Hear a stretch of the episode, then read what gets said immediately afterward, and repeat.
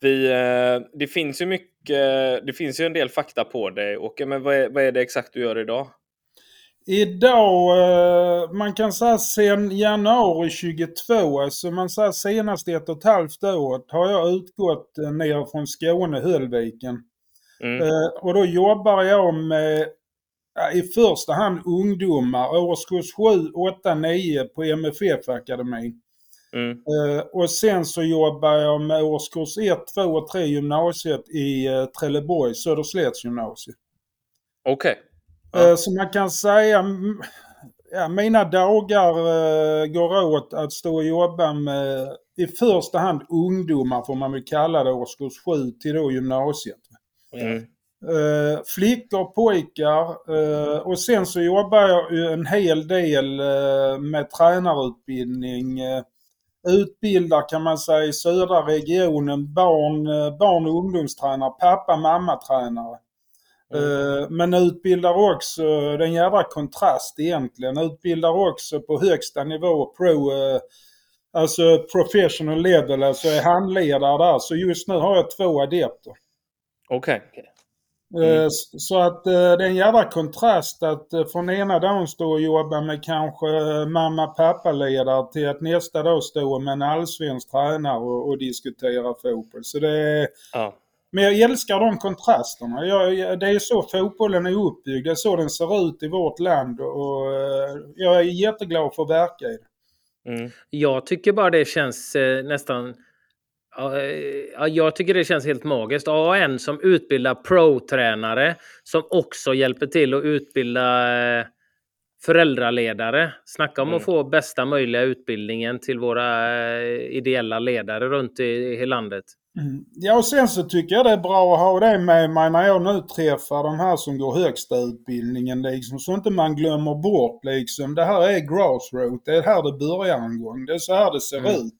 Och det, fotbollen visst, vi har det så men det är många andra lagidrotter det ser likadant ut. Det bör, man börjar där med mamma pappa ledare och sen går det bra och man är talangfull och ja, så kommer man upp och får uh, lite mer erfarna, kanske skickligare instruktörer och så här. Men vi bygger ju vår idrottsrörelse på det här idealismen fortfarande i alla fall.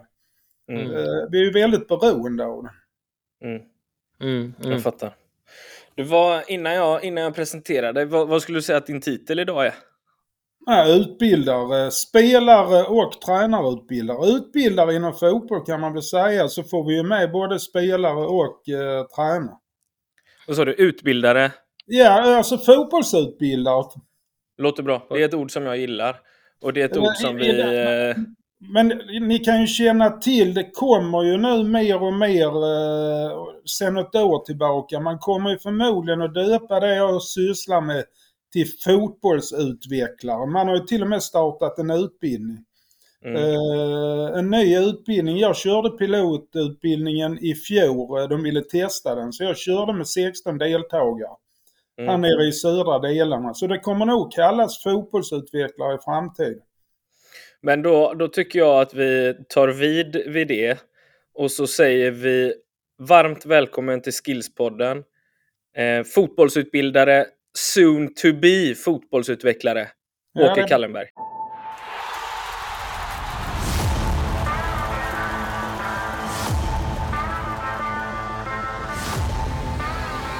Det är väl jättetrevligt alltså. Ja, mm. Varmt välkommen. Tack ska ni ha. Kul att du vill köta lite med oss idag. Eh, jag vet inte, har du, eh, hänger du med på vad den här podden handlar om och vad vi tjötar om här? Ja, men det, det handlar väl om uh, utveckling av fotbollen allt ifrån uh, de allra yngsta upp till, kan jag tänka mig, uh, högsta level vi har i Sverige idag. Och det är väl det det handlar om. Ja, det, det är en bred podd, eller vad säger du Anders? Ja, men det är det. Vi vill ju prata med folk, föräldrar, ledare, utbildare, eh, tränare, all, allt möjligt egentligen för att diskutera svensk fotboll. Vad, vad, vad gör vi bra? Vad gör vi mindre bra? Vad kan vi göra någonting annorlunda? Hur ser det ut? Hur står vi oss gentemot andra länder? Ja, men bara diskutera fotboll eh, och eh, fotbollsutveckling. Så det känns ju som handen i handsken för att ha med dig, Åke. Verkligen. Ja, det, jag är jättegärna med. Jag tycker om att diskutera eh, fotbollsutbildning, eh, fotbollsutveckling, svensk fotboll. Så det passar jättebra för mig också. Underbart. Vi ska, vi ska ju säga det också att vi, jag tycker det är intressant med, med diskussioner och höra. Man lär sig någonting av alla. För det är ingen som sitter med alla svar. Därför tycker jag det är så intressant att höra folk med olika perspektiv som har olik, olika eh, sorters inblick i fotbollen. Och du har jobbat med fotbollen i så många år. Så att du har ju en oerhört intressant eh, inblick i svensk fotboll från gräsrotsnivå till eh, högsta nivån. Ja, och jag tycker nästan vi kan börja där Åke. Vad, vad, hur, hur halkade du in på liksom fotbollsspåret och, och den rollen du har idag? Vad har tagit dig dit så att säga? Ja, ja, det är ju egentligen en lång historia. Över 40 år är historien egentligen. Jag blev tillfrågad. Jag spelade i Malmö FF. Var en halvdan Malmö FF-spelare. Där är lite krav inne. Så att eh, jag orkade, eller räckte inte till att ta sista steget in eh, på vår elitnivå i Malmö. Så jag blev tillfrågad av en eh, ledare som jag ser upp väldigt mycket till, eller såg upp, tyvärr eh, gick han ju bort för några år sedan, Inge Blomberg. Som Mm. kom och frågade mig om jag var intresserad att börja jobba med eh, barn och ungdomar i Malmö FF. Eh, Och eh, mitt första uppdrag var faktiskt att gå in i Malmö FFs fotbollsskola. Det var väl för ja, fem, sex, sjuåringar. Man hade en jättestor fotbollsskola, över tusen eh, deltagare. Mm. Så eh, det blev mitt första uppdrag och det var inte så enkelt. Hur skulle jag liksom organisera tusen eh, barn där som skulle komma till stadionområdet eh, två kvällar i veckan. Vi hade våra två grusplaner och jag skulle ha ledare så här. Men det var en enorm erfarenhet så här i efterhand att få med sig. Att Mm. börja på verkliga grassroots-nivån och allt vad det innebär med spelare, ledare, organisera träningsinnehåll. eh, Se till så alla fick plats. Vi var på varenda yta på hela stadionområdet. Två Mm. kvällar i veckan. Så där, där började det en gång för över 40 år sedan. Mm, mm. Så att... Och sen, eh, sen bara fortsatte det att rulla på? Ja, det, det gjorde det. Jag höll på med det några år. Sen blev jag tillfrågad om jag var intresserad av att bli anställd. Och jobba med, inte bara fotbollsskolan utan även eh, jobba med våra barn och ungdomar i Malmö FF. Och, och där rullade det på. Så jag var där i över 20 år. Mm. Eh, eh, I Malmö FF. Och började med de allra yngsta. Avslutade, får jag säga, med med de äldre, alltså ansvaret för eh, 16 till 19-åringar i Malmö under de sista 11 åren. Ja. Fattar. Så att, eh, nej, från eh, de allra yngsta till de eh, lite äldre spelarna på gränsen till att ta steget upp i vår seniortrupp. Eh, så det, det har jag jobbat med som en bred bas får man säga. Då har du också varit med och sett en del och tagit fram en del ganska duktiga fotbollsspelare då? Ja, det har jag gjort. Men jag är väldigt ödmjuk. Jag har varit en av många duktiga ledare som har jobbat med det.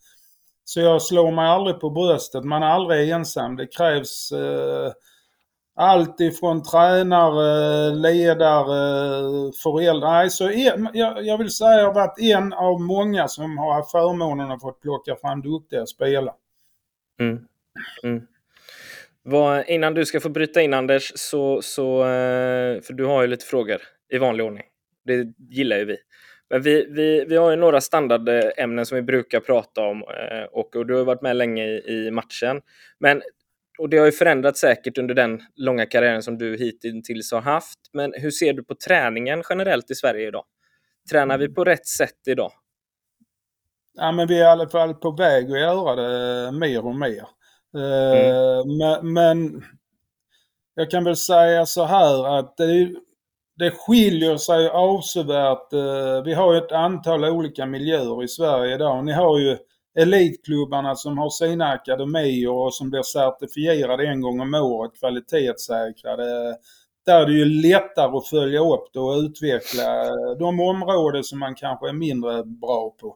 Man får ju Mm. poäng och det har ju blivit lite status i, ibland elitklubbarna att ha sina stjärnor där. Så där kan jag tänka mig att man har en, vad ska man säga, lättare att ha en överblick över det. Så där tror jag det idag överlag ser eh, att det har hänt grejer till det positiva. Men Mm. det är ju bara ett fåtal eh, elitklubbar i Sverige med, med sina akademier. Sen har vi ju hela bredden. Och Mm. där känner jag ju att det där är jättemycket att göra. Mm. Eh, Just att hjälpa våra mamma och pappaledare och ja, ta fram spelarutbildningsplaner. Eh, vad är lämpligt att träna på eh, i respektive ålder och spelform. Och vara ute och följa dem och stötta dem på fältet. Där tror jag vi har mycket kvar i år. Tror du det, är det någonting som du tycker att de här stora akademiklubbarna borde bli bättre på? Eller görs det fortfarande att man går ut och hjälper till att utbilda de här breddföreningarnas Mm. ledare och är där som ett stöd och support? Eh, Eller görs det eller görs det för, för liten eh, utsträckning än så länge? Anders, det görs men inte tillräckligt. Eh, här, här tycker jag ju elitklubbarna måste ta ett ännu större ansvar och eh, verkligen se till att eh, vara ute och hälsa på i, i våra grassroots-miljöer och hjälpa mamma pappa-ledare. Men, men jag, jag kan tycka MFF har kommit en bit på vägen genom sin eh, vad ska vi kalla det, MFF-akademin där de driver alltså 18 skolor i Skåne idag. Eh, från södra, södra Skåne till norra Skåne. Och där man då tar hand om årskurs 7 till 9. Eh, Det är ju, vi snackar nog om 1200 ungdomar som får möjlighet att träna tre gånger i veckan extra. Så det är 18 och- skolor? 18 skolor. Eh, från eh, norra till södra Skåne. Och, och där kan jag väl säga, det är ju en del i att ta ett ansvar. Men vi skulle ju också behöva komma ut i deras föreningar och ta ansvar. Och det är ju svårare, för det krävs ju ännu mer resurser. Mm. Men, Ja, det är ju men- det. Men på din fråga så tycker jag absolut att elitklubbarna måste ta ett större ansvar för att skapa fler bra miljöer för våra barn och ungdomar att kunna, eh, jag ska säga, bli bra i fotboll eller utvecklas i fotboll, lära sig fotboll. Det tycker jag är jätteviktigt. Mm. För den här unga åldern också där man är i sina breddföreningar eller sina lokala föreningar med sina kompisar där man bor som jag tror är väldigt viktigt.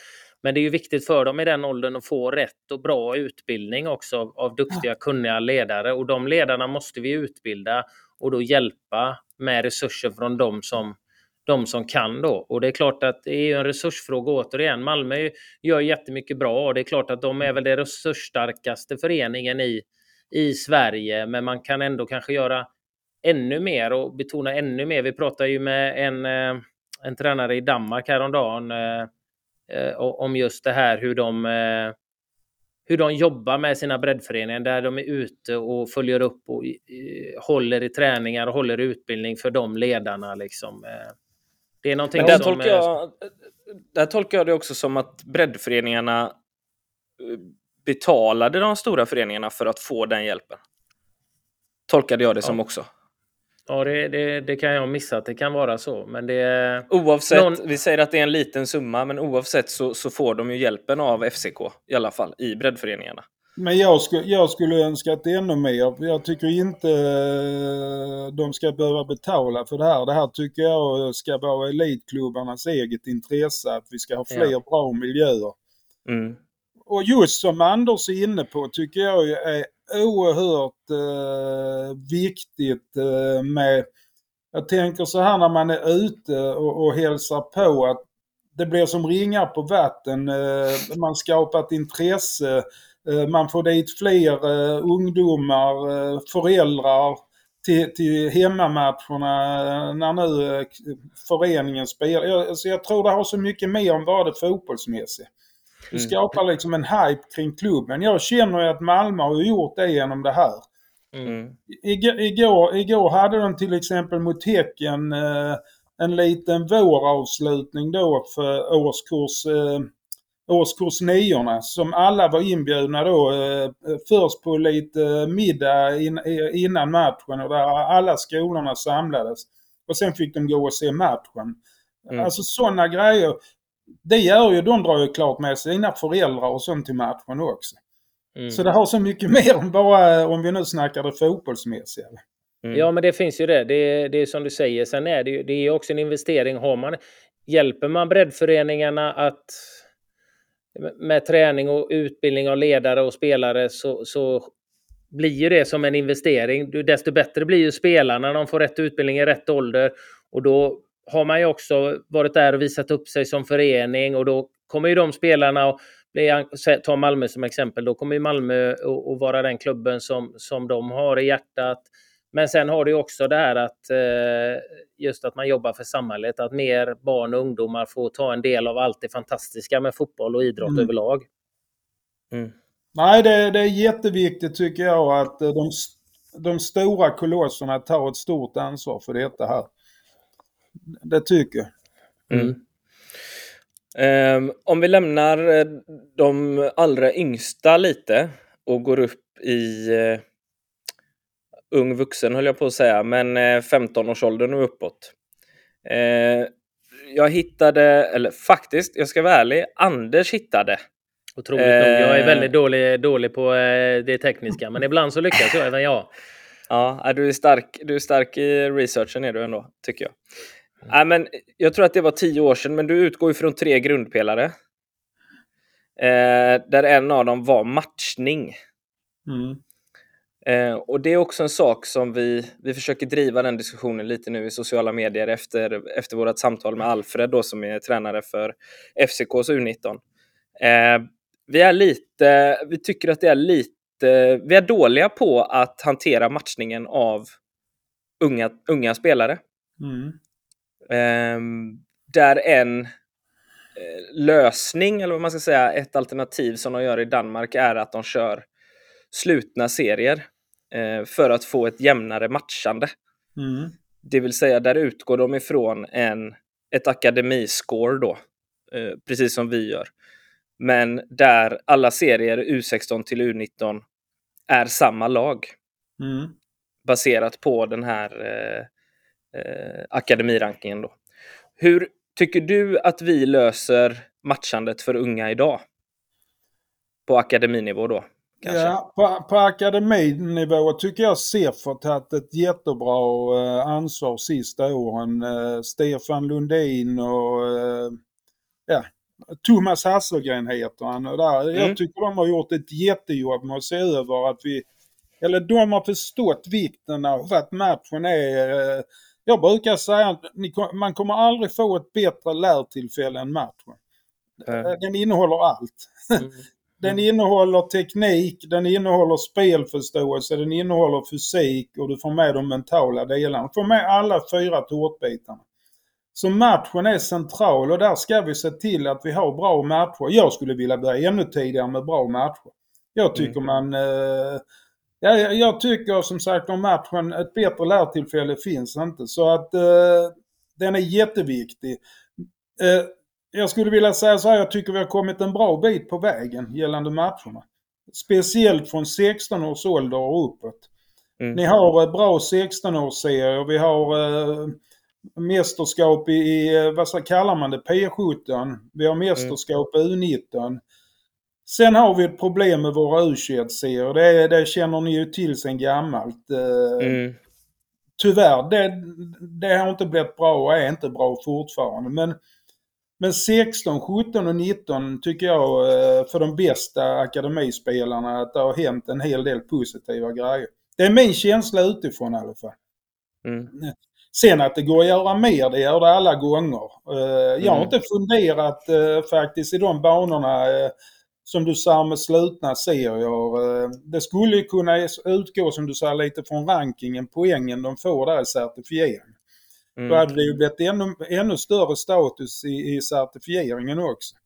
Mm, så det. Det, det, det, som jag tycker är intressant med det med slutna serier som Marcus beskriver att de som har högst poäng, som har alltså bäst förutsättningar att utbilda och utveckla spelare eh, är de bäst som miljö. är bäst miljöer för spelarna och för mm. utveckling. De är, är låsta där och då kommer du undan det som jag kan uppleva som ett problem. Att många klubbar är rädda att tappa sin plats. Att de jobbar kortsiktigt för att mm. vinna och hålla sig kvar i serier. Mm. Istället för att jobba långsiktigt med att utveckla spelarna och göra dem lite bättre för varje år liksom. Och då blir det att ja, vi måste hålla oss kvar, då, måste vi, då kan vi inte släppa upp den här 16-åringen till eh, U18 eller vad det nu är, för han måste vara kvar här för att hålla oss kvar. Det blir lite att man, det blir för kortsiktigt tänkt då. Och mm. hade, det, hade man låst det så behöver du inte jobba med att vinna serien eller hålla kvar i serien, för du jobbar med utbildning och utveckling hela tiden, mm. långsiktigt. Det gillar jag ju. Det och det är, ju det, vi, det är ju det vi måste se det som att eh, vi mm. jobbar med utveckling och utbildning. Det är långsiktigt arbete. Så mm. det ska ju vara i fokus hela tiden. Mm. Hur tror ni det påverkar klubbar som inte hade i så fall nått den? Om vi ska säga att det finns någon akademigräns eh, på den här rankingen för att nå in på de här serierna. Hur påverkar det de klubbarna som inte kommer in i en sån serie? Blir det positivt eller blir det negativt? Risken är ju, jag skulle säga både och. Det, mm. pos det positiva skulle faktiskt kunna vara att jag tror idag är inte certifieringen låst. Man kan alltså som en mindre förening bli certifierad. Mm. Det skulle ju faktiskt eh, kunna vara så att eh, man jobbar långsiktigt med certifieringen. Vi, vi är en förening, vi är inte på högsta nivå med vårt A-lag. Men vi har en väldigt eh, bra eh, ungdom, eh, barn och ungdomsverksamhet så vi vill jobba med certifieringen och ha möjlighet att få bra matcher för våra lag om några mm. år. Det är mm. långsiktigt arbete. Mm.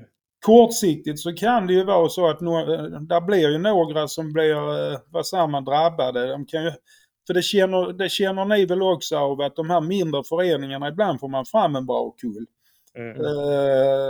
Och, och, och, då är det klart roligt att utmana dem med bra matcher också. Mm. Men, men det, du har ju alltid vinnare och förlorare i det här. Man lägger plus och minus i skålarna. Men uh, på sikt så tror jag det hade varit bra för svensk fotboll just. Vi måste få till så bra matcher som möjligt. Minst en per vecka.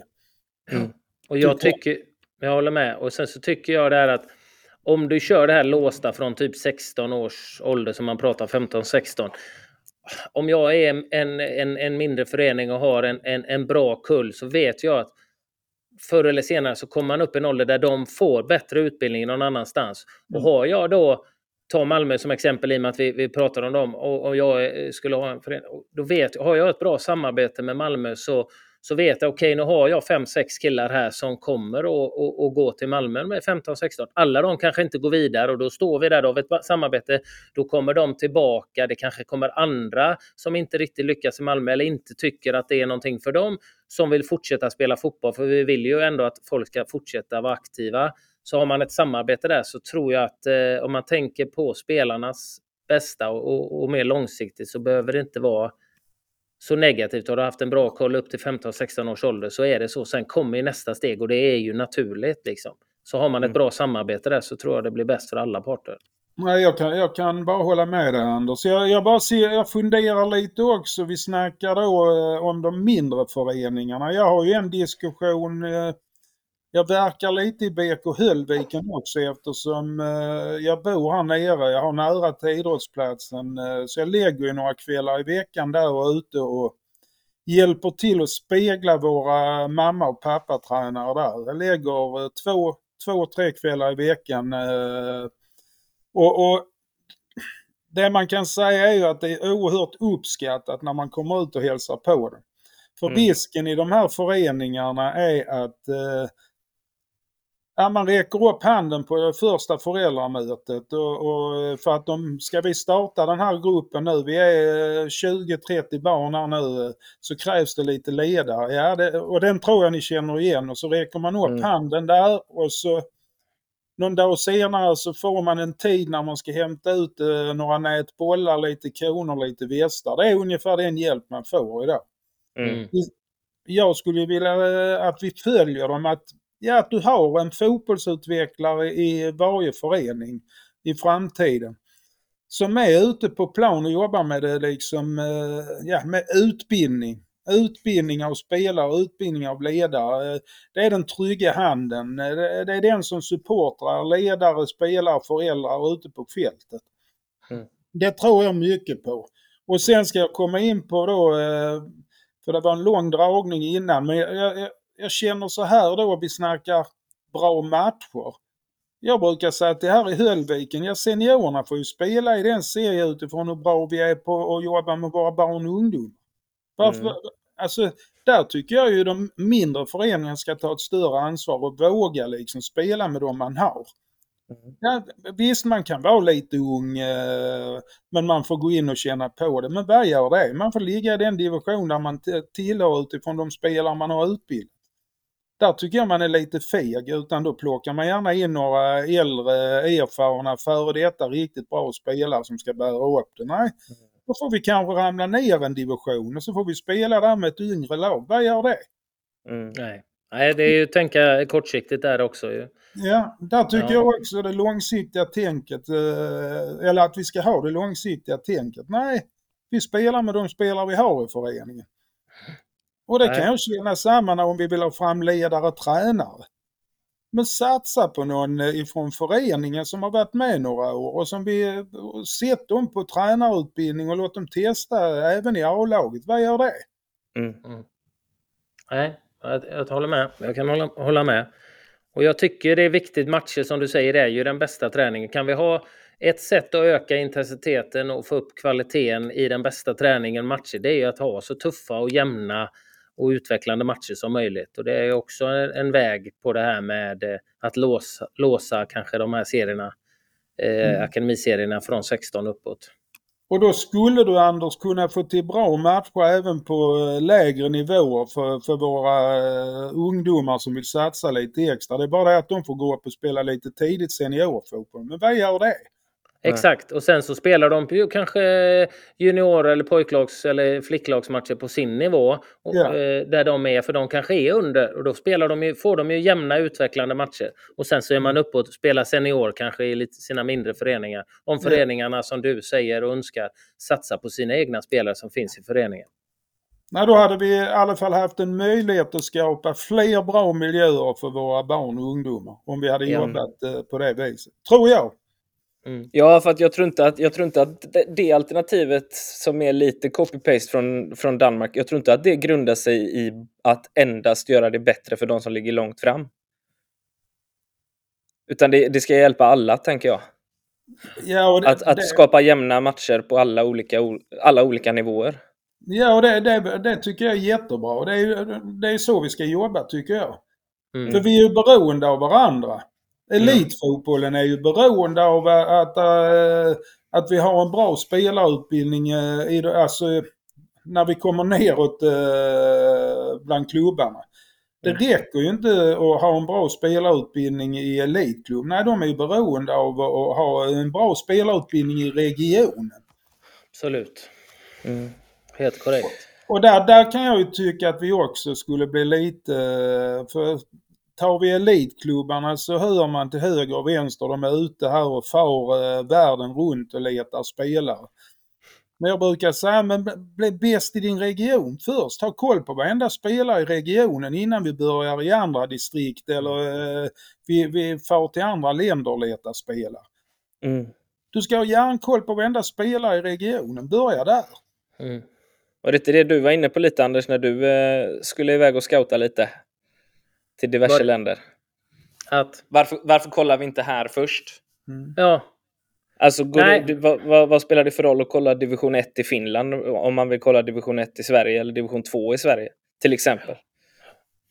Ja, Vad är nej, skillnaden? men jag, ja, nej, jag vet inte. Jag, eh, eh, jag tycker ju att vi, det, det finns många duktiga spelare i Sverige. Eh, så att, eh, och bättre koll eh, och, och följa upp spelare på ett bättre sätt kanske. Jag vet inte. Men eh, Mm. vi letar ju ofta kortsiktiga lösningar också i, i många klubbar. Det handlar ju väldigt mycket om eh, ekonomi och att lösa, lösa hänga kvar i en serie här och nu. Det är, det är inte alltid lätt att tänka långsiktigt för alla föreningar heller som kämpar för sin överlevnad liksom, och är beroende av ekonomin som det innebär att hålla sig högre upp också. Mm. Om, vi, om vi går tillbaka lite till eh, träningen, Åke. Är det någonting du saknar eller någonting, någonting som du skulle vilja att vi tränar mer på i svensk fotboll idag? Ja, det är en bra fråga. Jag tycker det har hänt mycket och att eh, vi har en positiv utveckling. Men fortfarande så får vi, vi måste, men det här handlar ju om eh, kunskap, eh, resurser, att våra barn skulle få en betydligt bättre grund att stå på om vi hade kunnat jobba rätt där. Då tänker jag på deras, alltså färdighetsträning, teknik eh, i tidig ålder. Att bli helt enkelt, jag använder Bosse Augustssons gamla eh, vän med bollen, alltså den typen. Fan vi ska leka med bollen här, vi ska, vi ska, eh, vi ska bli trygga med bollen. Det, det, det tycker jag absolut att gå och utveckla ytterligare. Eh, mm. Men, men det ska börjas i tid. Redan när de är 6, 7, 8 år liksom. En, jag brukar säga se till så vi har en, en boll per spelare. Börja där. Och så gör mm. mycket med, med bollen då. Mm. Det, jag, jag, tycker det har hänt mycket sista åren. Jag vet inte hur mycket insatta ni är i det här med spelformerna. Men jag tycker det är fantastiskt att vara ute och titta på 3 mot 3 med sarg och 5 mot 5. Eh, Snacka om att de får många aktioner per spelare och match nu. Eh, och så få avbytare så gör fler lag istället. Mm. för mig, det finns inte ett bättre tillfälle uh, att, uh, att utbildas än att få. Matchen är oerhört central, spelet. Mm. Du får fatta dina beslut men då ska vi inte stå över dem och tala om vad de ska göra utan låt dem dribbla, låt dem bli av med bollen, låt dem skjuta, passa, ta emot, driva, vända ta tillbaka bollen när, när de blir av med den. Men det, du har ju alltid det. Mm. Men jag, jag, tycker också det är intressant. Jag älskar ju att spela matcher och jag gillar också de här spelformerna. Vi kan gå in på dem mer för jag har också lite kritik när det gäller spelformerna. Men jag gillar de här. Ja, mm. men vi, jag, jag, gillar ju också det och det du pratar om. Det här är också något viktigt att inte stå och skrika saker som de inte får göra eller inte ska mm. göra barnen. Och jag, jag jag tränar ju själv ett ungdomslag i ett eh, lag i Göteborg som nu har hunnit bli 12-13 år. Men när vi spelade 5 mot 5 då, som eh, är några år sedan då, för nu har vi precis börjat spela 9 mot 9, men eh, jag tror vi var det enda laget som inte satte upp med två forwards och två backar. Mm. Utan jag sa bara, ni är fyra, ni är fyra utespelare i målvakt, gå ut och kör. Mm. Och vi släppte in mål för det var tomt. Men så hade du ju spelare efter en stund som bara började de vrida på huvudet och kolla fasen nu är det ju en ledig bakom. Så börjar de backa. Så lärde de ju sig själva. Och så står man och ser, möter lag som har två backar och, och två anfallare och så står ledare och skriker du är back har jag sagt. Går du så mm. högt upp en gång till så byter jag ut dig. Nej, det vet liksom massa förbud, massa förbud. Du låser deras utveckling. De måste få lära sig att göra misstag och inte om jag står som ledare och skriker vad du ska göra, då, varför gör du det? Jo, mm. för att du skrek, skrek på mig att jag skulle göra det. Inte för att det var en bra lösning. De får inte hitta lösningar själva då. Det tror jag är ett stort problem hos många ledare, ungdomsledare ute i, i Sverige idag, som jag, som jag upplever det. Men spelformerna dem, älskar jag. Låt dem få fatta sina beslut. Eh, ja. Jag jobbade på Svenska Fotbollförbundet i 11 år. Eh, jobbade jättemycket med utbildning, var med och, och eh, jobbade fram spelarutbildningsplanen, var med i en grupp som jobbade fram spelformerna. Men det som var väldigt intressant när vi snackade om det här med, med beslutsfattande, när vi tittar på, på matcher på elitnivå Eh, seniornivå vill jag säga, inte, det behöver inte vara elitnivå, men på seniornivå. Vi snackar om att spelarna tar en 3-4 tusen eh, beslut per spelare och match. Mm. Eh, och då kan man när, man, när man har det med sig, det är ju det mest centrala i spelet fotboll, det är ju att spelarna måste lära sig fatta beslut. Alltså det, det är ju mer centralt än någonting. Det är det de gör absolut mest. Det är att fatta beslut. Med boll, utan boll. När laget har bollen, när motståndaren har bollen. Därför så mm. låt dem träna på det direkt från början i 3 mot 3, 5 mot 5. Mm. Vi ska inte stå och fatta, vi ska hjälpa dem, vi ska guida dem lite, men det får vi göra i träningen i veckan. Mm. Sen låt dem gå ut och, och spela och fatta sina beslut. För tänk om vi ska lära dem att den som står utanför ska vara den som fattar besluten till dem. Det kommer vi aldrig klara. Det är för fan 30-35 000 beslut tränaren ska fatta under en match där. Mm. Nej men om vi säger 11 mot 11, du har 11 spelare. Ska jag stå där och fatta alla besluten till spelarna? Det går ju inte ju. Det blir svårt. Nej, så, det blir svårt. Det är, nej men det är jätteviktigt det Anders säger. Ut med bollen och låt dem fatta sina beslut och de kommer att lära sig av sina misstag. Mm. De Exakt. kommer att lära sig av sina misstag. Mm. Och de, ja, men det är ju så, det är så de lär sig. Annars gör de ju bara det ledare skriker att de ska göra. De vet inte varför de har gjort det mer än att du sa till mig att göra det. Exakt. Ja, precis. Nej, så Men du... man kan säga, Ja ja, men jag, jag tänker just, vi snackade matchen och, och att den är väldigt central. Men där får du ju liksom med det här med beslutsfattandet. Där får du ju med, eh, de får träna egentligen eh, allt vad fotbollen innehåller med spelets skeden. Det är speluppbyggnad, eh, det- är kontring, det är komma till avslut, göra mål, det är ta tillbaka, alltså återerövring, förhindra speluppbyggnad, det är förhindra och rädda av. Du har ju allt med där ju. Mm. Du har omställningarna som är jättecentralt. Mm. Ja, nu var vi i anfall, nu blev vi av med bollen. Vad gör vi nu? Du, alltså just spelet, där får du med allt. Därför är det effektivt ur lärandesynpunkt också, enligt mig. Ja, jag håller med. Lär Var inte du lite allergisk mot... Ja. Nej, men sen tänker jag så här, vad vi ska hjälpa dem med, det är att bygga en verktygslåda. Där de plockar fram rätt verktyg.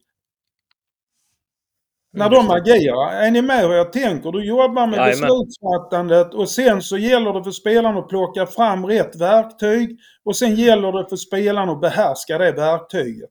Mm.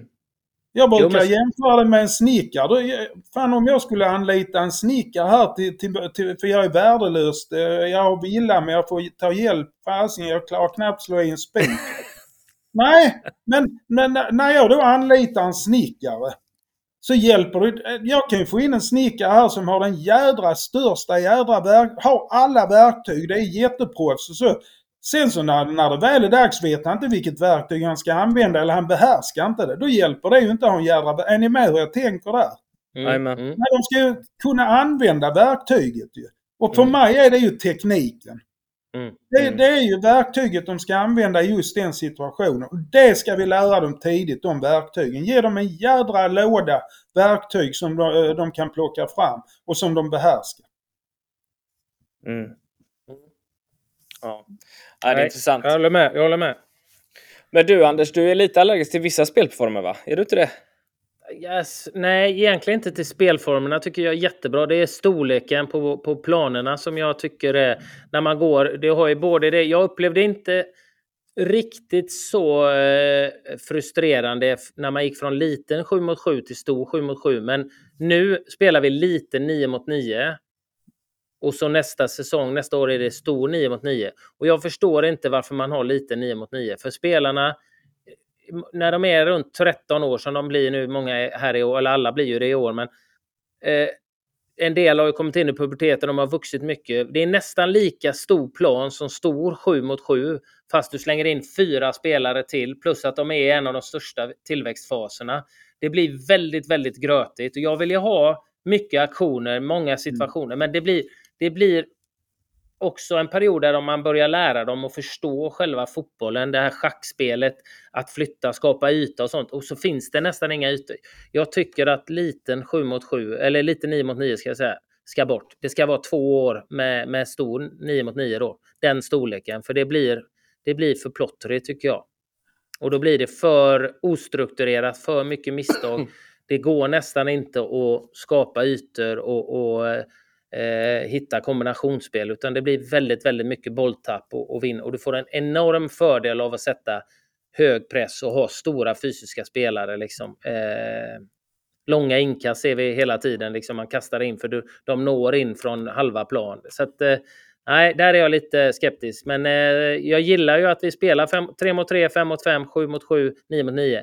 Men jag skulle önska att eh, vi ändrar måtten. Den liten eh, 9 mot 9 känns meningslös. Det är enligt mig. Min Jag feedback. lyssnar, jag lyssnar med respekt Anders jag, och jag tar det till mig och jag har ungefär, ska jag säga, ändå jag har varit med och tagit fram det. Så har jag faktiskt eh, ungefär samma känsla själv. Och jag har fått höra det av andra som eh, har samma uppfattning. Eh, för jag hade min grabbs lag eh, liten 9 mot 9, stor 9 mot 9, för det var precis när det drog igång. Ja. Eh, Mm. och ungefär samma känsla har jag.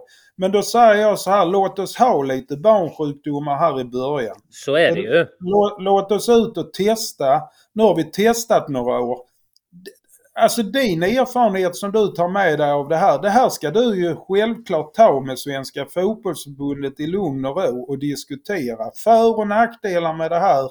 För det här är ju signaler som inte bara kommer från dig och mig. Det kommer ju från andra också. Så att jag tycker, ha överseende med det här med lite barnsjukdomar. Nu har vi testat några år. Nu ska vi använda det här till att göra det ännu bättre. Och då kanske det är dags. Slopa lite 9 mot 9. Låt dem köra eh, den stora 9 mot 9 under två år som 13-14-åringar. Och sen övergår vi till 11 mot 11 när de är 15. Däremot skulle jag vilja slå ett slag. För mig är det en enorm aha-upplevelse den lilla 7 mot 7. Jag måste säga, eh, det kan jag göra än idag om jag skulle träna seniorer. Skulle jag mycket väl kunna gå ut och spela eh, 7 mot 7 på en plan som är 50 gånger 30. Jag tycker den, det är fantastisk yta för det antalet spelare och snacka inte om den åldern spelarna är, då är de 10-11 år. Jag tycker snacka om att vi får aktioner och de blir involverade och man ändå lagom avstånd till bägge målen. Man får anfalla, man får försvara, man kan göra mycket mål. Nej, jag... Fantastisk spelform. Jag, jag, upp, jag upplevde inte att jag hade samma frustration över när vi gick från, eh, när vi gick från 5 mot 5 till liten 7 mot 7 som vi har gått från stor, stor 7 mot 7 till liten 9 mot 9. Men Ja. sen är det ju som samma, man tar fram någonting nytt och så testar man och så kommer man på allt eftersom. Okej, det här funkar jättebra, men det här är en sak som vi upplever kanske inte helt hundra. Kan vi justera det? Så är det ju med all, alla nya Mm. saker som man gör så finns det ju saker som inte är helt hundra direkt. Allting är perfekt utan ja, kommer man på fan, där skulle man kunna ändra om det och, och så vidare. Så det är Absolut. naturligt. Men just, just som du säger, jag upplevde inte alls den frustration, den svårigheten när vi gick till liten 7 mot 7 som vi upplevt nu liten 9 mot 9 då. Eh, så där skulle, det, det är väl eh, någonting jag skulle vilja diskutera om man ska slopa 9 mot, liten 9 mot 9 och gå direkt vid 13-åringar. 13 och 14, det är samma, det är den stora ytan. För då är det också, tycker jag, det har ju också börjat bli att man börjar kanske samarbeta mellan åldrarna mer. Eh, även om det har funnits tidigare också och finns i olika klubbar. Men vi i alla fall i vår lilla förening har ju börjat ar- arbeta mer med eh, de som är ett år äldre. Och de spelar ju på, det hade ju varit enklare om vi spelade på samma storlek också. Inget Absolut. superproblem, men, men eh, det finns en del eh, att, att se över och diskutera där när det gäller lite 9 mot 9, tycker jag. Men eh, det är min, min åsikt, men jag tror många delar det med mig. Och som, som du säger, det är, det är ju lite barnsjukdomar, lite något nytt som man har testat och det är väldigt mycket som är bra. Men det är klart att det finns saker som man kan finjustera alltid. Mm. Och det är det vi ska. Nu ska vi, nu ska vi eh, finjustera här när vi har kört det några år. Nu ska vi komma Mm. fram till, göra en ordentlig utvärdering och sen eh, justera där det är mindre bra, självklart.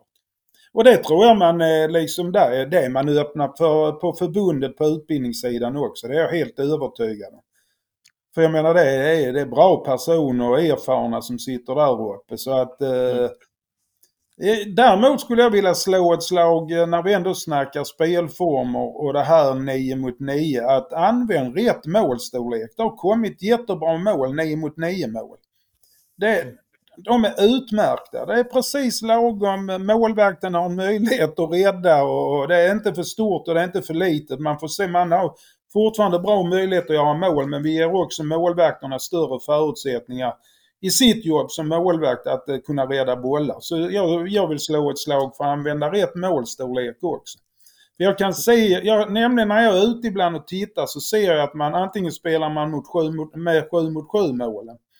Eh, i nio min- och det tycker jag, nej vi ska på något sätt det är anfallsspelet som vi ska liksom se till att hjälpa till med. Det ska, det ska hända mycket, det ska kunna bli mål i fotboll, det är det som är roligt. Så rätt målstorlek och ibland ser jag de har 11 mot 11 mål och där står en 13-åring som egentligen är helt chanslös. Mm. Och då, då, är, då är rädslan från min sida att vi lär dem felaktiga teknik och felaktiga beteende eh, Eh, som anfallsspelare. Att egentligen, vi, vi skjuter inte eller placerar bollen med precision utan vi bara lägger den högt över målvakten. Och det, det är inga bra beteende inför framtiden. Nej, det krävs lite mer än så. Det krävs att jag tittar upp var keepern är och kan placera den.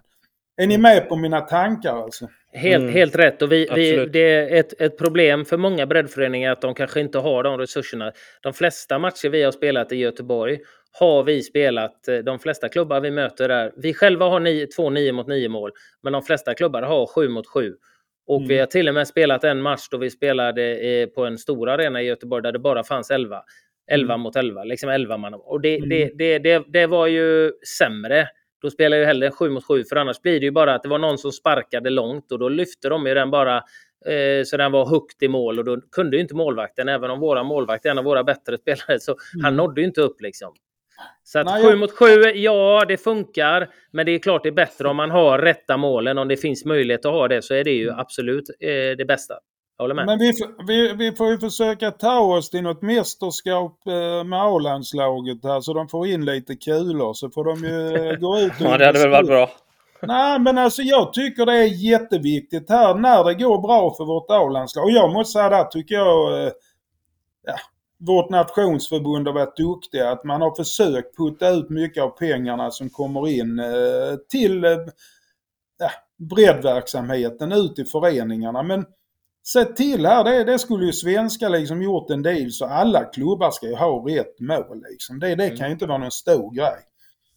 Se till så de får rätt mål på sina idrottsplatser. Nej, det gäller att ta sig till ett mästerskap till och så använd lite av de pengarna eh, till att satsa på så de får rätt förutsättningar. Det vore eh, bra på många sätt om vi gick till ett mästerskap igen snart. Ja, absolut. Ja. absolut. När går vi till nästa? Ja, det är en bra fråga. Eh, men man får ju försöka vara positiv så jag hoppas de ska i alla fall mäkta med och klarade denna gången som eh, tvåorna går väl vidare där och får, det blir väl någon utslagning igen. Är det inte så alltså? Jag, jag har dålig koll på om tvåorna, de bästa tvåorna går direkt eller om det är Nej, det är det. Jag, jag blir osäker nu. Jag, jag, med, jag med. Men det blir svårt att ta sig förbi Belgien när man nu har Nej, det gör, det gör vi inte. Det gör nej. vi inte. Jag måste säga att... Uh, nej, nu när jag såg det är... Nej, jag vet inte. Vi har lite kvar att jobba med Janne och Wettergren där och få ihop det. Så jag tycker individuellt har vi en hel del spännande spelare, men det gäller att få ihop det också. är det några specifika där, spelare där du vill se? Vad sa du? Är det några specifika spelare du vill se i landslaget? Nej, men jag, alltså, då, jag går inte in och diskuterar för så kommer det alltid vara i slutändan som Janne sa. Nu är han förbundskapten. Det är han och, och teamet som som liksom plockar ut sina. Men jag tycker vi har många intressanta spelare. Men som sagt vad det gäller att få ihop dem. Jag saknar... Eh, vi måste få in en ryggrad på mitten. Så tittar man eh, över tid så... Sverige, just centrallinjen har varit stark. Två eh, bra mittbackar, två centrala eller tre centrala mitt... Alltså just ryggraden där, där behöver vi hitta några som kan... Och det, kommer att komma men inte, de är inte färdiga riktigt ännu. Men, men, det är väl det vi för framåt. Sen offensiva spelare. Alltså vi, vi har jätteduktiga, tycker jag i alla fall. Mm. Fler bra, fler ja. bra spelare offensivt än vad vi har på många år tycker jag. Alltså fler att välja på. Jag håller med. Jag tycker det ser, ser spännande ut där. Det är lite centralt i centrallinjen. Ja. Som, sen finns det ju finns det en del spelare som jag tycker är väldigt, väldigt spännande. Men som kanske inte riktigt är där än. Men vi har ju en mm. i Malmö som jag, som jag personifierar eh, en spelartyp och spelaregenskaper som jag tycker vi ligger efter i Sverige i, i Hugo Larsson. Som, mm. som, alltså, ser han med boll, han ser lösningar hela tiden, han kan flytta boll. Han har en lösning klar redan innan han hämtar bollen. Och det är ju någonting som jag älskar att se och spelare och någonting som jag tycker vi behöver jobba med mer i Sverige att veta vad du ska göra bollen innan du får den och hela tiden ha en lösning att spela med insidan av huvudet. Och där, han jämför jag med det som jag tycker att jag ser i övriga Europa när Sverige spelar. Att det ser ut som de andra, de andra spelarna har oftast mer tid. Det ser ut som de har mm. mer tid när de får boll än vad våra svenska är stressade. Men tittar du på Hugo så han, han har ju det. Och det är någonting som eh, man säkert har jobbat med honom med mycket och han har haft egenskaper. Men det är någonting som vi behöver jobba med ännu mer i Sverige i tidig ålder. Att veta vad de ska göra av bollen innan de får den. Scanna men också bolltrygghet. Och det handlar ju om det du var inne på innan. Redan i tidig ålder att de får en bollvana så att det är liksom att de känner sig så trygga med bollen.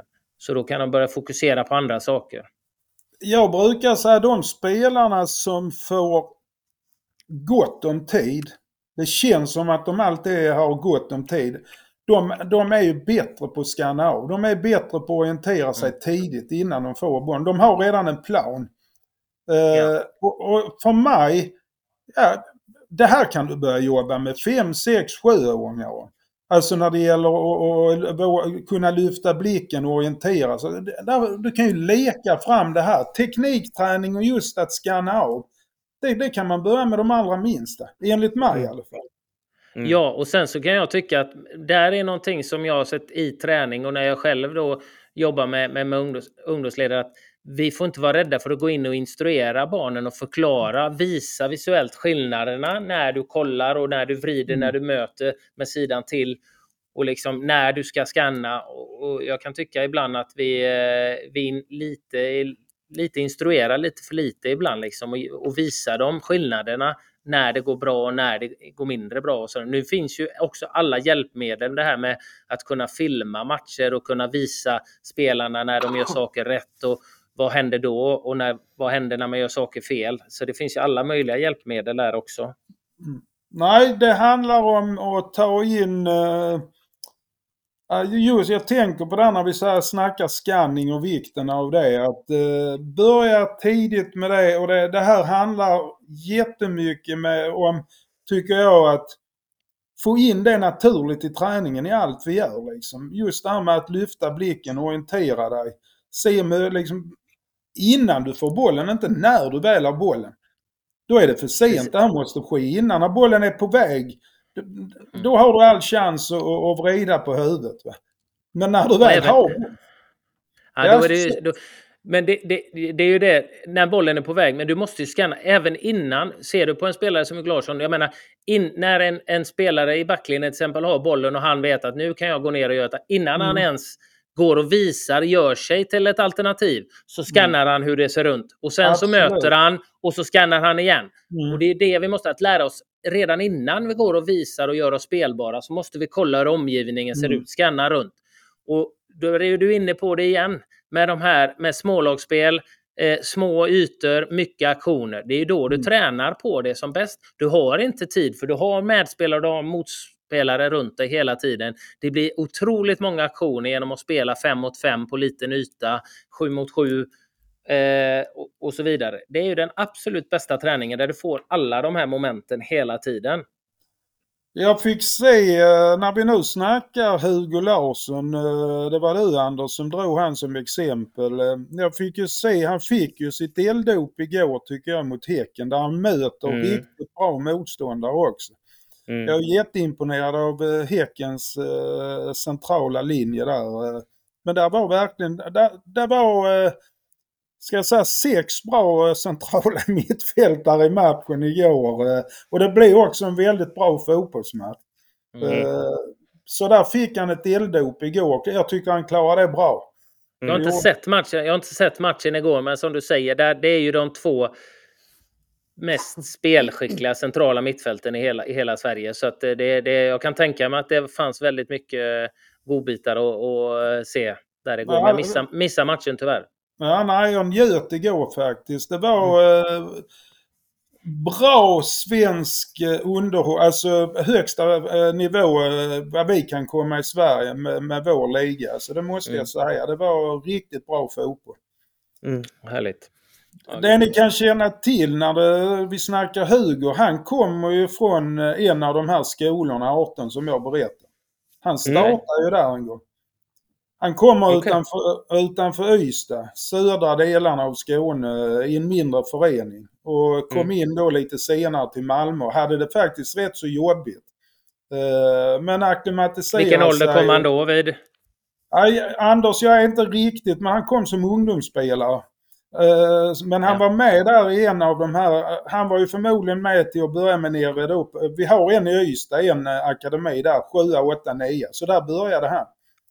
Och de fick Ja. syn på han där och jobbade med han och sen in till Malmö. Och hade det lite småjobbigt i början att acklimatisera sig. Men eh, jag brukar säga, eh, vi snackar här lite eh, egenskaper och jag skulle vilja säga det är kanske en av de största talangerna. Eh, det är det här med förmågan att anstränga sig. Att klara av när det är lite jobbigt. Nej, nu ska jag anstränga mig ännu mer. Vilja bli bättre. Ja, jag måste anstränga mig. Leta efter tillfälle att träna mer. Inte leta efter tillfälle att ställa in träning. Nej, leta efter tillfälle så jag kan träna lite mer än de jag konkurrerar med. Då har jag en chans att bli lite bättre. Det tycker jag är talang också, som man glömmer bort. Ja, men det är ju den viktigaste egenskapen, det här drivet och, och Ja. kraften. Där. Det är det. Det är den viktigaste egenskapen av alla skulle jag säga. Men han Mm. har det, känner jag. Mm. Mm. Härligt. Vi får hoppas att hans eh, utveckling eh, går vidare framåt, så att säga. Så att vi Ja, ser då honom blir i ett landslag. nyckels- Då blir han en nyckelspelare i svenska landslaget inom kort, det är jag övertygad om. Underbart Ja, om ett par år så eh, är det dags för han att kliva in och ta ett stort ansvar där på mitten. Ja, Mm. Kliva in kan han göra redan nu tycker jag Ja, truppen. det men, kan eh, han, men just att ta ansvaret känner jag liksom. Är, han är lite för ung nu. Mm. Mm. Jag fattar. Jag tycker inte man ska lägga... Det är andra som är lite mer erfarna som får ta det eh, några år, tycker jag. Ansvaret ja, men absolut. Ja. Han kan ju tillföra, eh, i det, med de kvaliteterna han har, så tycker jag han kan tillföra svenska landslagstruppen eh, redan nu. Eh, sen ska han inte ha något ansvar att han var en bärande spelare nu. Ja. Det kommer han vara inom ett, eh, inom ett par, tre år. Ja. Mm. Mm. ja, han har alla möjligheter till det. Ja, det är underbart. Bra grabbar, där är programtiden eh, slut för idag. Eh, Åke, underbart att eh, ha dig med i podden och otroligt härligt att, att snacka lite fotboll med dig. Tack Marcus och tack Anders. Jag snackar gärna fotboll. Jag snackar gärna eh, spelarutbildning, tränarutbildning. Jag, jag brinner för det. Underbart. Ja, men, Vi kanske tar ett extra avsnitt om just eh, individuell spelarutvecklingsplan också. Ja, det är spännande. Mm, Eh, vi kan lära oss mycket av dig där, tror jag. Men det var jätteintressant och tack så jättemycket för att du tog dig tid Åke. Jag är ödmjuk. Jag har lärt mig av er nu en stund. Så, eh, Det vet jag Ja, inte. det vete fan. Ja, det vete fan. Men, men, men det kan jag säga, den dag nyfikenheten tar slut och man är ödmjuk, eh, man tappar ödmjukheten och det här, då är det dags att- att någon annan får, ska stå där ute. Nej, det gäller, det finns inga facit utan ödmjukt, lyssna, ta till sig, testa. Jag tror på det. Well spoken. Bra avslutande ord. Tack så Sköt mycket. Åke. Du detsamma. Detsamma, det- Vi hörs detsamma. av. Tack så mycket Åke.